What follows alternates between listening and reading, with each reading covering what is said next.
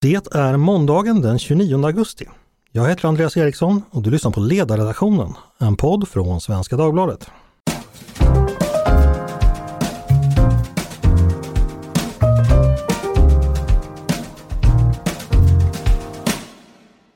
Varmt välkomna till oss kamrater. Nu är det så att nu börjar valrörelsen, eh, även här på ledarredaktionen.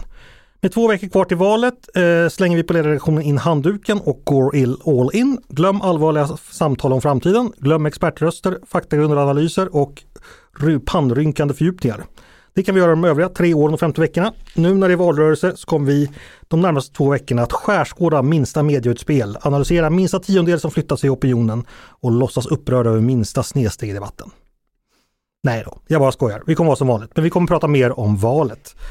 Och med mig för att göra det idag har jag mina tre kollegor Maria Ludvigsson, Olof Ehrenkrona, Mattias Svensson. Välkomna alla tre! Tack! Tack! Tack, tack! Vi ska då prata om vad som händer just nu och då tänkte vi ska börja med gårdagens stora begivenhet. Eh, en ekonomisk debatt mellan riksdagspartierna som sändes i SVT. Eh, den ekonomiska politiken har gjort lite comeback eh, mitt i kulturkriget med inflationen, hotande lågkonjunktur runt hörnet och oro för att vi allas förmåga att klara de ökade kostnaderna för exempelvis el och räntor. Mattias, till att börja med dig. Eh, du tittade på debatten. Präglades den av krisinsikt skulle du säga? Nej, det tycker jag väl inte. Det begynnande kan man ju säga, men, men det handlade mest om inbildningar om att man ska kunna kompensera hushållen för det ena och det andra. Mm, Okej. Okay. Jag tyckte det var talande att eh, när eh, Sverigedemokraternas alltså Oskar Sjöstedt i slutet av debatten var inne på eh, till exempel att biståndet borde minskas och sådär. Eh, så, eh, så eh, när, när, debatten plötsligt handlar om de här tuffa prioriteringarna som ligger framför oss, då, då avbröt både debattledaren och eh, den övertaggade Martin Ådal och eh, eh, och, och det var allt som blev sagt om, om vilka besparingar som kommer. Vi ska återkomma till Martin Ådahl för han var ju eh, lite kanske det man, man minns från den här debatten. Eh, vi ska också senare i podden prata både om utfrågningen av Nooshi Dadgostar och om vad som i övrigt händer i valrörelsen och vilka paralleller till historien man kan göra. Eh, men du Mattias, eh, dök det upp några skillnader mellan regeringsalternativen när det kommer just till den ekonomiska politiken i gårdagens debatt? Blev det tydligare? Eh, ja, men det blev på ett sätt tydligare eh, därför att om, om det ena regeringsalternativet, de som är på Ulf Kristerssons sida eller hur de nu ska benämnas, eh, så, så var man otydliga om vad man ska spara på men ändå om att man ska spara för att kunna prioritera kärnverksamhet och skattesänkningar. Och på andra eh, sidan så var man lika otydlig om vilka skatter som skulle höjas och vilka de kommer att eh, höjas för. Om vi börjar med det trevligaste där, skattesänkningar. Är det några som, vilka nämndes då från högersidan? Eh, det var framförallt eh, sänkt skatt på arbete, att fortsätta med exempelvis eh, jobbskatteavdrag och liknande för att människor ska kunna komma in på arbetsmarknaden och det, i, i kärvare tider blir det ju ännu viktigare. Vad tycker vi om det? Är det klokt? Eh, ja, det är klokt eh, och, eh, och det kommer som sagt, alltså det är ju en matematik som, precis som Elisabeth Svantesson var inne på, eh, beror väldigt mycket på hur många som jobbar och eh, det var också välbehövligt att höra att, eh, ett, ett tal för att den politiken har ju fungerat. Det är många människor som har kunnat komma in på arbetsmarknaden tack vare de förändringar som har gjorts under alliansåren med något mindre generösa eh, ersättningssystem men eh, sänkt skatt för den som jobbar. Det har lett till, till skillnader, men en av de stora skillnaderna är att väldigt många människor har kunnat gå från bidrag till jobb. Där hör vi en kille som fick väl godkänt på Moderat skolungdomskurs 1987 i retorik. eh, Mia, eh, tänkte fråga dig. Eh, det är ju så att eh, på den andra sidan, på vänstersidan, där säger de ju själva att de är oense om den ekonomiska politiken. Hur oense tror du de verkligen är? Jag har ju även lyssnat, vi kommer till det lite senare, men jag har även lyssnat på Dadgostars eh, eh, utfrågning. Och där pratar hon ganska mycket om ekonomisk politik och det är lite, lite grann av hennes eh, gebit. Mm. Och där tycker jag det är väldigt tydligt att Vänsterpartiet är rejält vänster jämfört med Socialdemokraterna som försöker eh, få med sig alla väljargrupperna. Så det var det bredare partiet som kan locka några borgare genom att inte vilja höja alla skatter bara för de allra rikaste. Mm. Eh, och där är Vänsterpartiet, eller Nooshi Dadgostar, väldigt tydlig med att det är, det är snarare en, en lite större förändring som krävs av hela skattesystemet. Där det framförallt är det ska bli rättvist och rättvist är per definition alltid att eh, ta från de rika, vilket är då allt från medelklass till de allra rikaste och ge till de fattigaste. Mattias, hur tyckte du eh, Martin Ådahl från Centern, Ali Esbati från Vänsterpartiet, eh, hur upplevde de kompanjonskapet i, i gårdagens utfrågning?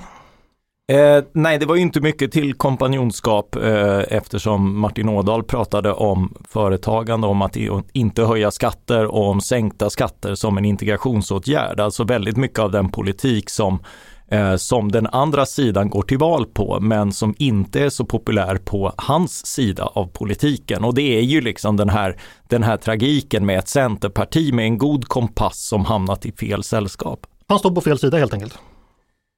Han, han, har rätt politik men han kommer inte kunna driva igenom den med, med i, i, en socialdemokratisk regeringskoalition. Eller jag hoppas förstås att han kan det om det skulle gå så illa men, men, eh, men chanserna är inte stora och som du säger Ali Esbati och Vänsterpartiet eh, har ju en helt annan politik och ser framför sig ett massivt ökande av av offentliga utgifter och eh, ser ju liksom närmast som ett självändamål att, att skatterna ökar också.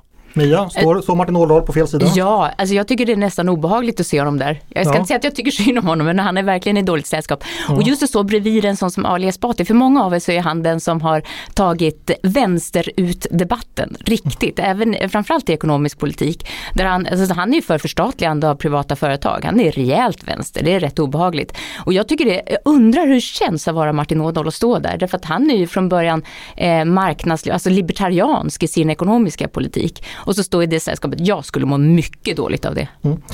Men, men det var ju ändå, eh, jag såg också den spela på debatten, det var Martin Ådahl pratade mycket företagande och tillväxt. Eh, vad tycker du Mattias? Elisabeth Santesson och Moderaterna, pratade hon tillräckligt mycket om det?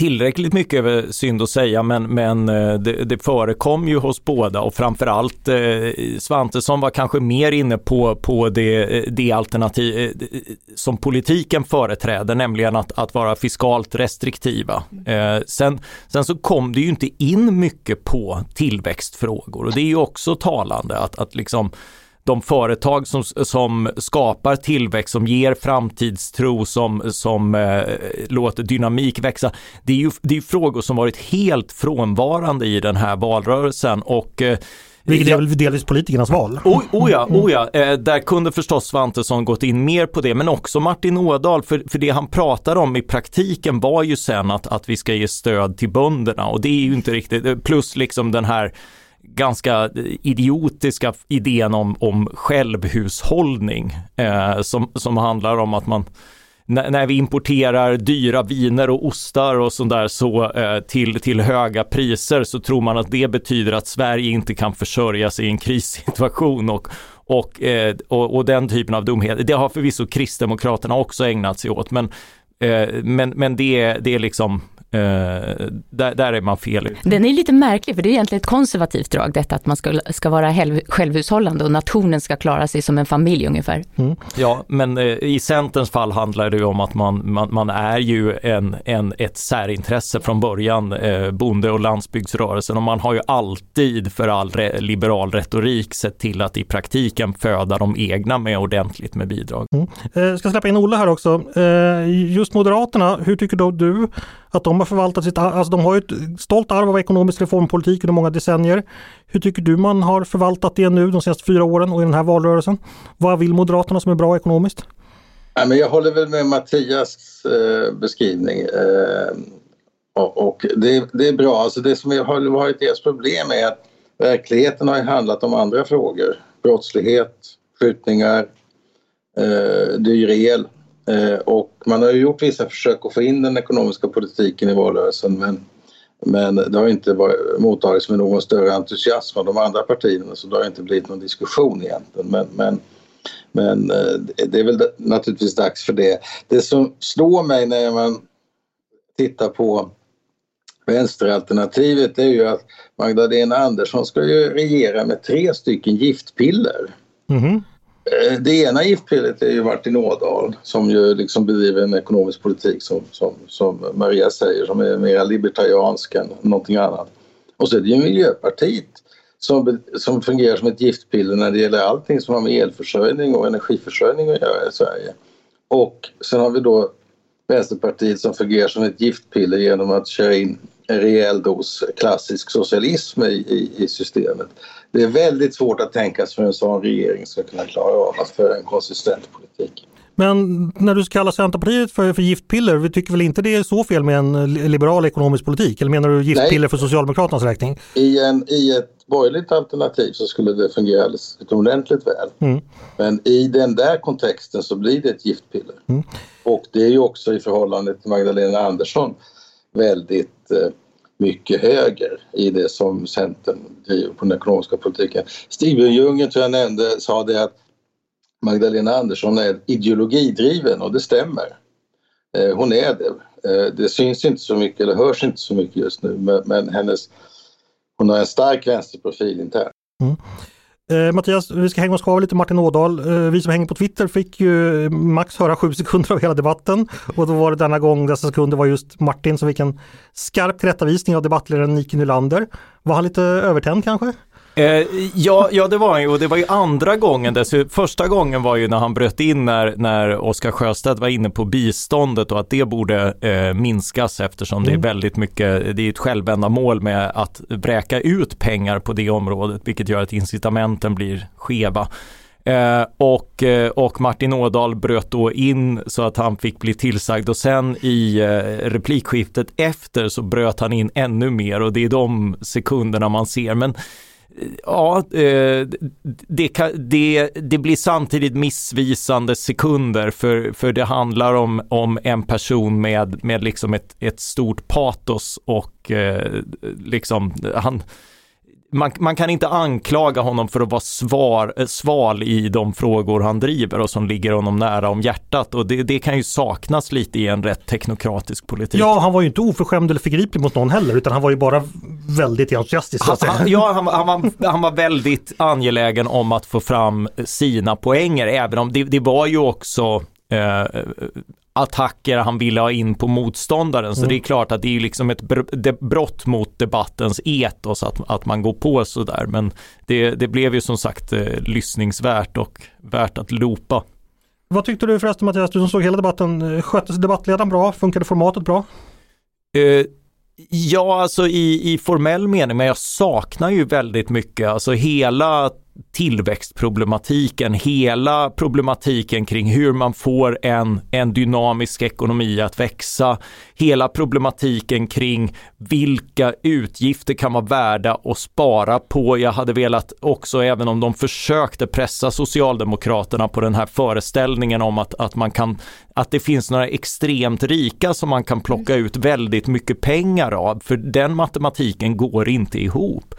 Eh, och eh, Eh, och, och, sen, eh, det har även eh, i, i vecka, förra veckan eller helgen här nu hållits liksom en penningpolitisk konferens i Jackson Hole där man gått in på just de här dubbla problematikerna med liksom att räntorna behöver stiga för att eh, minska liksom de, den lösa penningpolitiken som har varit, eh, men också att det behövs globalisering, handel, ökad konkurrens för att få ner den utbudsinflation som, eh, som finns och, och inget av de perspektiven närvarande riktigt. Nej, precis. Det kändes ju, i alla fall det jag såg, ganska småskuret och provinsiellt med tanke på liksom de utmaningar som finns i, i världsekonomin generellt nu och vilket läge vi står inför. Varför kan man inte ta de större greppen? Är det för att väljarna hänger inte med eller politikerna inte tänkt färdigt eller har du någon tanke kring det? Det, det är ju inte one-liner svar som finns här. Eh, och, eh, och, och det är svåra frågor och framförallt man kan inte, det, det, är allt det man inte kan skylla på meningsmotståndare eller lova att vi kommer att sköta bättre. Men det blir ju som sagt, eh, vi har ju alltid haft den tendensen i svensk politik att när det kommer en budget så sitter det någon och räknar kronor och ören, så mycket vinner du, så mycket mm. förlorar du. Men och, och det, är ju, det är ju en del av journalistiken, absolut. Men vad man missar i det perspektivet är ju hur mycket skillnad gör eh, en högre eller lägre ekonomisk tillväxt under tio år. Och där har ju Sverige legat eh, väldigt dåligt till, vilket över en 10-20 års period eh, kostar och den typen av, av problematik tycker jag definitivt Inte hör hemma Sverige. i... Alltså det är många europeiska länder som har haft problem med tillväxten senaste decenniet. Oh, oh ja, eh, men Sverige ligger ju inte i... Eh, Sverige ligger ju på många sätt Eh, inte i framkant här, vilket vi har, har vant oss vid tidigare och vilket vi hade efter den senaste avreglerings och liberaliseringsperioden på 90-talet. Då fick vi ett uppsving som varade i decennier med företag som fortfarande föds på grund av detta. Så den här typen av långsiktiga åtgärder som eh, är ju någonting man drar nytta av i många, många år. Mia får avsluta just den här ämnet. Ja, Vad tänker du? Detta måste sägas. Ordet tillväxt är något som man undviker som politiker idag därför att det har blivit synonymt med motsatsen till att vara för ett gott klimat. Mm -hmm. Så där finns det, liksom, det har uppstått en ny, eh, vad ska jag säga, ett, ett nytt Eh, konfliktyta i svensk, eller i politisk retorik. Att är du för tillväxt så är du mot miljön och att det är tillväxten som är ett problem. Mm. Vi och det några... har jag skrivit en hel bok om varför det perspektivet är fel. Ja. Och vi hade ju några modiga tillväxtkritiker ute på E4 tidigare idag som bromsade ambulanser på väg in till Karolinska. Ja, det är en bra jag, illustration. Får jag säga, får jag säga det att det är ju inte bara så, va, utan man lyckades ju från mitten av 90-talet och fram till för några år sedan faktiskt bryta sambandet mellan mellan fossilutsläpp och eh, tillväxt. Eh, och Sverige hade ju en hög tillväxt samtidigt som vi faktiskt minskade, minskade fossilgasutsläppen. Det som sen har hänt är ju då att vi har stängt ner kärnkraften, så det är en viktig del av den fossilfria energiförsörjningen och då blir ju tillväxtdiskussionen en annan. Men eh, det är ju inte så att Alltså Sverige var ju väldigt framgångsrikt när det gäller att förena tillväxt och god miljö och klimatansvar. Och eh, det har ju då ironiskt nog den rödgröna regeringen skälpt. Mm. Det har de verkligen. Eh, hörni, vi ska gå vidare. Eh, då ska vi titta lite bakåt. Vi har ju som ni hör med oss Olof Ehrencrona.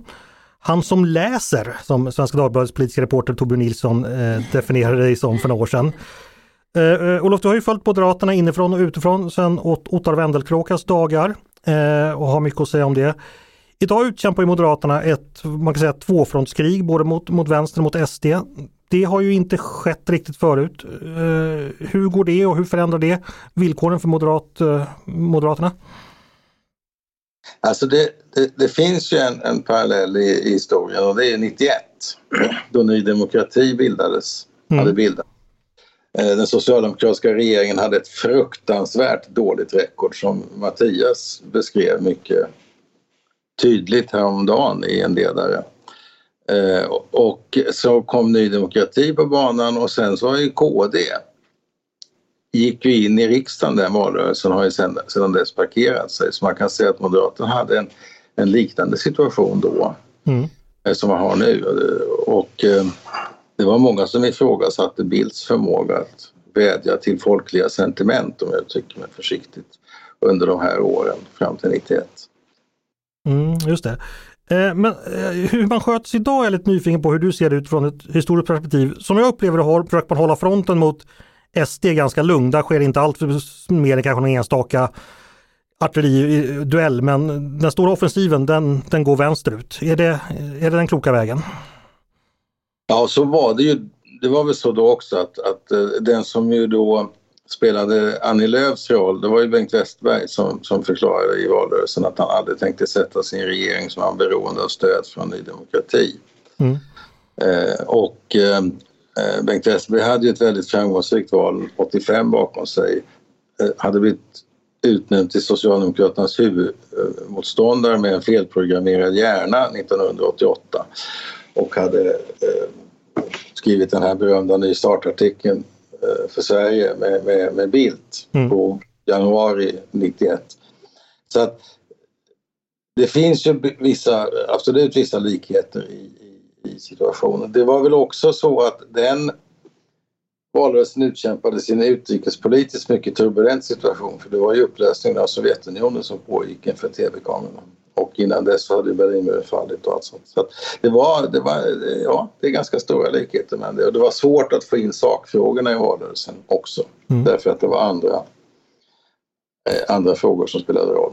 Och den gången blev det en borgerlig regering och då var det ju Lars Leijonborg som fick sköta kontakterna med Ny Demokrati eftersom det inte var Bengt Westerberg som, som ville göra det. Men, men, och, men då blev det ju till slut sen så mycket kris att man var tvungen att göra ett krispaket med Socialdemokraterna halvvägs in i mandatperioden.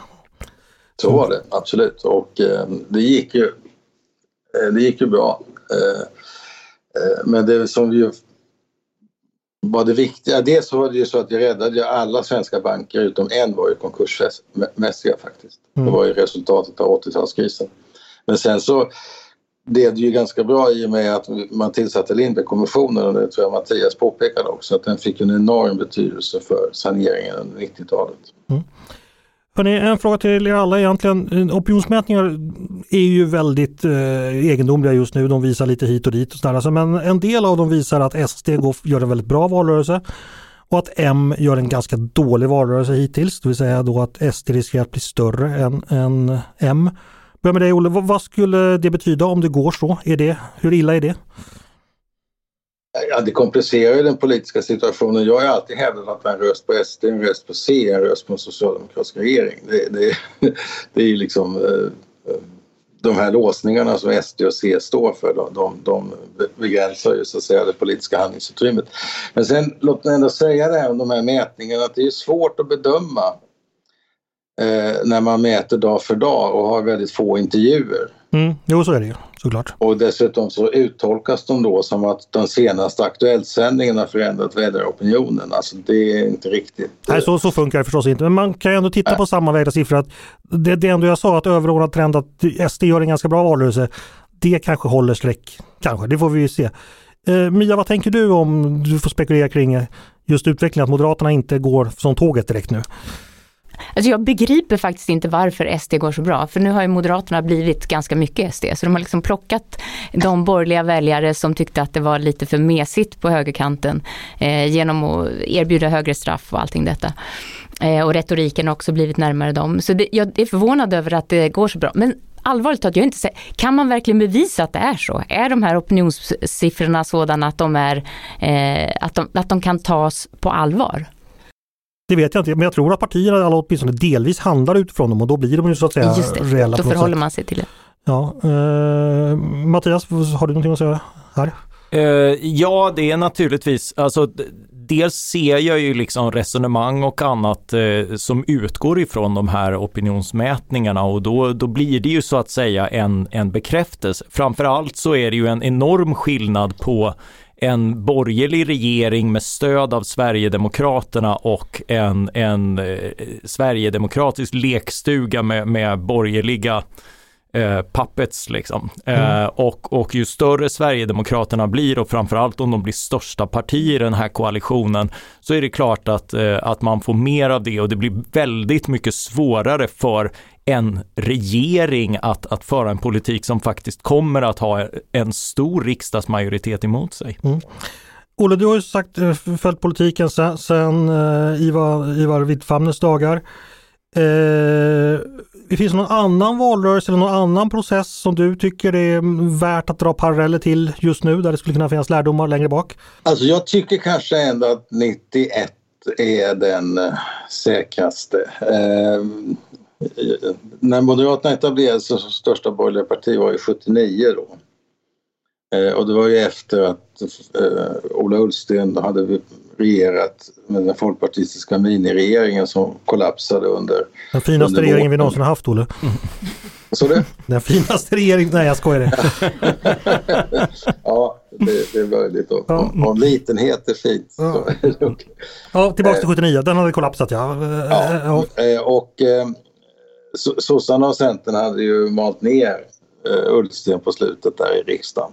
Uh, med, med, god hjälp av, av Boman för övrigt. Uh, men sen fick vi en valrörelse som var, var väldigt, uh, ja, den, den präglades ju mycket av Bomans olika utspel om kärnkraften och, och eh, att mitten, mittenpolitik var struntprat och, och sådana saker. Mm. Och det är klart att mittenpolitik idag, idag är, ju, är ju de facto struntprat när man ser hur Liberalerna och Centern går åt varandra. Men, men eh, ja, eh, det intressanta är väl ändå att Moderaternas dominans i borgerligheten från 79 och fram till våra dagar har, är ju unik i svensk politisk historia. Mm. Eh, och det återstår att se nu om man lyckas eh, upprätthålla den ännu ett val. Efter 79 följde ju för övrigt den underbara natten som vi alla minns med glädje. minns du den ja, Olle? Jo, jag, Inte glädje kanske? På, moder, på moderat håll är det väl en dolkstötslegend. Med, inte kanske så mycket legend men en ja. dolkstötshistoria. Eh, och det är väl om man så att säga när, när Ulf Kristersson håller öppet för liberal medverkan i regeringen så är det, är det så, så touchar han på, på djupa moderata sentiment för det var både, både 78 eh, när, när Fälldin regering, Fälldin 1 sprack och eh, Eh, 81 när, när, när, man gjorde upp bakom ryggen på Moderaterna med sossarna i skattefrågan. Eh, så att eh, Ulf Kristersson var ju också, blev ju också rätt bränd 2018 så att det är klart att man kan ju förstå att det finns en viss försiktighet i utfästelserna från moderat håll om hur ett nytt regeringsalternativ ska se ut. Mm. Hörni alla tre, avslutande fråga om Moderaterna. Hur nervösa tror ni man är internt när man ser på, på siffrorna? Eh, det har ju Bland elaka vänstertwittrare så viskas det om 2002, eller inte viskas, det är gallskrik som 2002. Eh, är det någonting som på allvar spökar i Moderaternas drömmar nu tror ni? Vad tror du Mattias? Jo men det, det gör det ju alltid. Jag, jag tror de flesta eh, partiaktiva har, eh, i alla fall i ledargarnityret, har, har minnen och är därifrån. Men, men det följdes ju av några av de mest framgångsrika valen i, i Moderaternas historia. Så, så det, det, det var ju ändå en eh, en lapsus och tillfällighet. Men, men, eh, men det är klart att man, man var nere där och skrapade på en, en eh, kärna och dit vill man absolut inte igen. Mia, vad tänker du där? Eller du kanske inte vill kommentera opinionsmätningar för de är så... ja, precis, opålitliga. opålitliga. Eh, nej, jag tror naturligtvis att det, det måste vara, om inte annat en smula skärrande eh, att siffrorna ser ut som de gör. Men sen verkar också, i kontakten med, med Moderaterna så tycker jag det verkar som att när man är inne i en valrörelse då har man ett modus, alltså man är inställd på valdagen och så kör man och försöker att inte snegla på det där hela tiden. Så det, det verkar som att de är vid förvånansvärt gott mod eh, trots att det ser lite illa ut. Olle, har du någon känsla för eh, modet hos Moderaterna för tillfället? Eh, nej, de, det jag hör är ju då att det är ganska positivt bemötande när de är ute. Mm. Eh, och eh, det präglar ju valarbetarna givetvis. Mm. Eh, men det är klart att det finns alltid en oro för att det ska gå, det ska gå dåligt. Det, så är det ju. Mm. nu tycker jag kanske att man kan ta de här siffrorna med viss besinning. Det var ungefär så här valen såg ut 2018. Och sen blev det när, så att säga, när rösterna hade räknats såg det ganska annorlunda ut. Eh, jag håller med Maria att jag har lite svårt att förstå. Eh, alltså valrörelsen går ju i sak eh, väldigt mycket på Moderaternas väg. Eh, det vill säga de sakfrågor som kommer upp till diskussion handlar ju väldigt mycket om det som Moderaterna har föreslagit. Men det är ju samtidigt som Mattias säger att de här viktiga framtidsfrågorna kommer ju inte fram och där har ju Moderaterna en styrka som, man, som ju Sverigedemokraterna inte har. I sak går Moderaternas, sak, eh, går Moderaternas väg, men jag menar i, i taktik går det ju Socialdemokraternas väg. För de har ju längtat länge efter att få ha en valrörelse där de ska stå emot SD. Och, och det fick de ju den här gången. Så att, och det, det, har de ju räknat med att det kommer skrämma så att säga, tillräckligt många mittenväljare över gränsen till Socialdemokraterna. Så vi får se hur det går med den saken. Vi ska gå vidare. Vi ska hoppa från höger eh, ända längst till vänster. Eh, Nooshi Dadgostar stod ju igår på tur att bli utfrågad i, i Sveriges Television. Förmodligen den tyngsta partiledarintervjuerna inför valet. Mia, du satt och tittade på detta. Eh, väldigt översiktligt. Vad fick du för intryck? Vad var hennes budskap som vi gamla medietränare brukar säga? Ja exakt. Om jag hade varit hennes medietränare så hade jag sagt att du ska göra så här och så hade hon gjort så som hon gjorde för hon gör det bra. Hon gör det bra. Ja, mm. det där var obegripligt. Men hon, är, hon har ofta, så, hon börjar eh, nästan alla svar med Nej men så här är det. Och det är typiskt som mediaträningstips, att du ska inte acceptera en frågeställning utan du ska börja med att antingen förneka att det, det de beskriver är sant. Och sen kommer bryggan. Sen kommer bryggan och sen kommer en egen verklighetsbeskrivning. Mm. Det där gör hon hela tiden och det är nästan som att, att det är, det känns inte inövat. Det känns inte som att hon har blivit mediatränad och då är det en väldigt bra mediatränare som får det att se så äkta ut. Och så är det också någonting med hennes eh, ansiktsuttryck. Alltså jag, jag råkar gilla henne som politiker därför att jag tycker hon är väldigt tydlig tydlig. Hellre en tydlig vänsterpartist än någon som låtsas vara någonting som den inte är. Eh, och hon är ju livsfarlig för Socialdemokraterna. Det var när hon skulle tillträda så var det någon i Twittersfären som sa att hon kommer käka socialdemokrater till frukost. Eh, och hon käkar nästan eh, SVT-reportrar också. Till lunch och middag och mm. mellanmål och allting, riktning.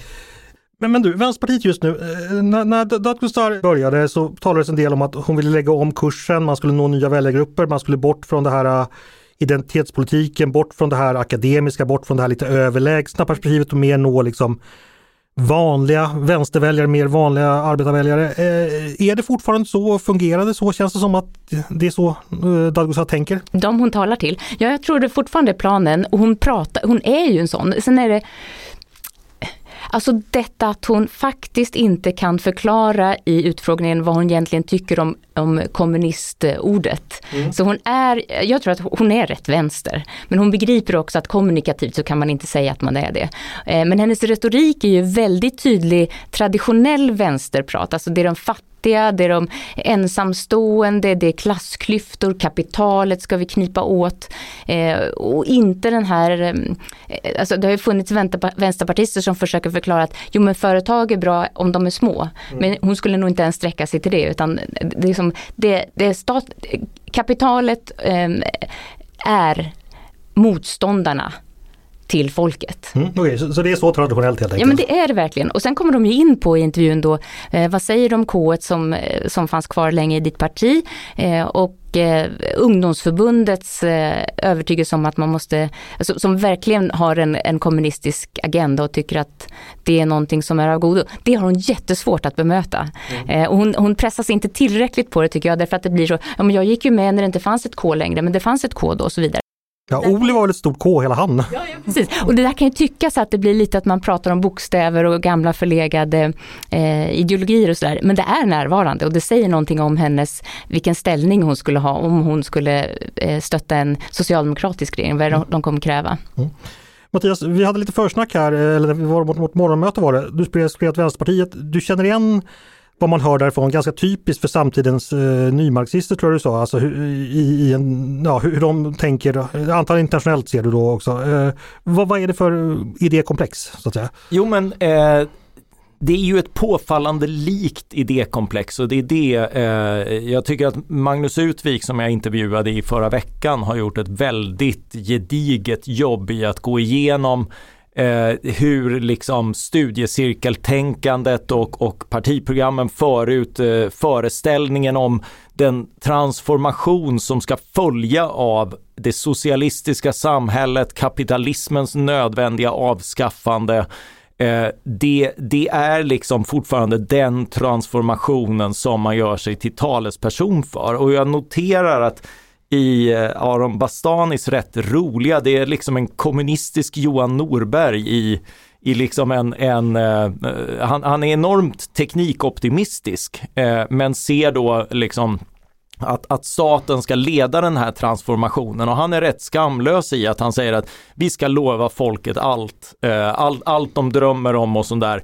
Eh, därför att då får vi förtroendet att genomföra den här omställningen. Och det är lite grann som man har lyckats klä den gamla avdankade socialismen som ingen längre minns som realsocialismen i, i, i dess gråa kösamhälle och med dess tunga byråkrati.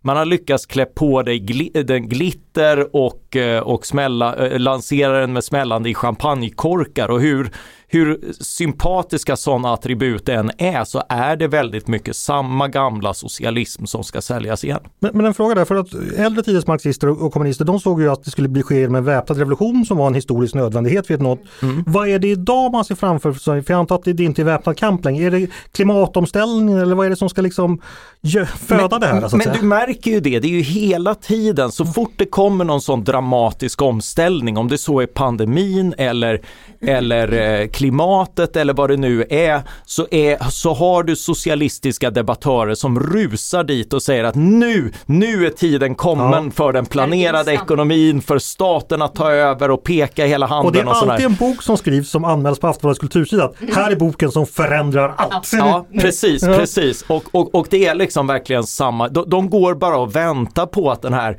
historiska profetian ska slå in. Så det finns fortfarande något förutbestämt över det här? Alltså i... jo, jo, men det, hela marxismen bygger ju på en förutbestämbarhet och, och eh, marxistisk skola det är ju liksom extremt snara av att, att se det här och jag noterar också att det finns ju en sån enorm likhet om du tittar på alla de här som blir populära, Martin Hägglund och, och andra, eh, så är det liksom en ytterst doktrinär marxism inklusive diktaturen och inte, de pratar om eh, den socialistiska demokratin men i den demokratin finns ju inga andra partier och, och du får inte återvända till någon form av kapitalism.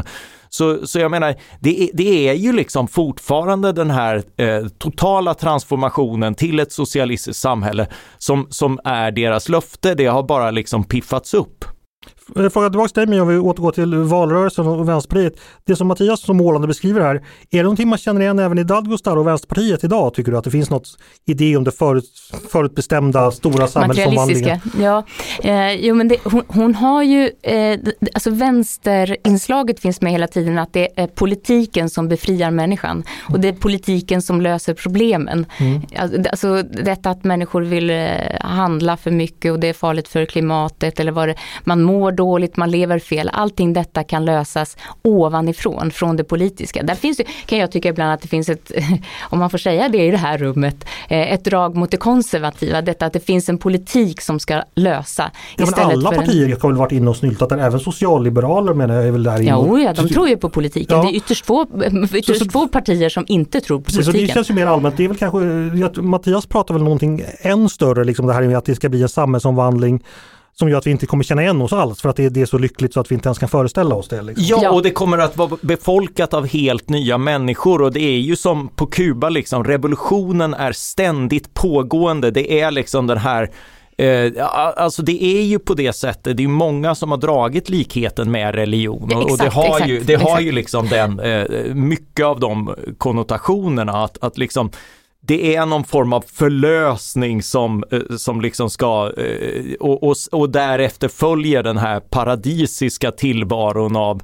Det är färdigt. Ja, ja, ja, ja, det är färdigt. Och, och, och det, var, det tyckte jag också Magnus hade väldigt talande, att det, det är ju en rätt påver vision liksom. Allt är klart och färdigtänkt och, och ingen behöver vara avbryt. Jo men sen sitter man där i hem, hem, hängmattan och sippar champagne. Det är jättemysigt några dagar men som man sa, sen skulle man ju få få man panik. exakt. Men, men man har väl alltid lite några liberaler att slå ihjäl? Det finns, dyker väl alltid upp? Jo, och det, men det är ju mer liksom hur man förklarar eh, misslyckandena. Om du tittar på Vänsterpartiets historieskrivning i sitt eh, senaste manifest så är det i princip en en, en uh, åtta klöver som har slagit ihjäl uh, socialismen genom att, genom att spara för mycket och sådär. Så det, du har den här, du måste ju hitta fienden inombords alltså eh, för, för att liksom förklara att politiken inte levererar. Vi ska släppa in uh, Olle bara, du, du, du uh, får återigen stå för det långa perspektivet. Vänsterpartiet 2022, hur mycket känner du igen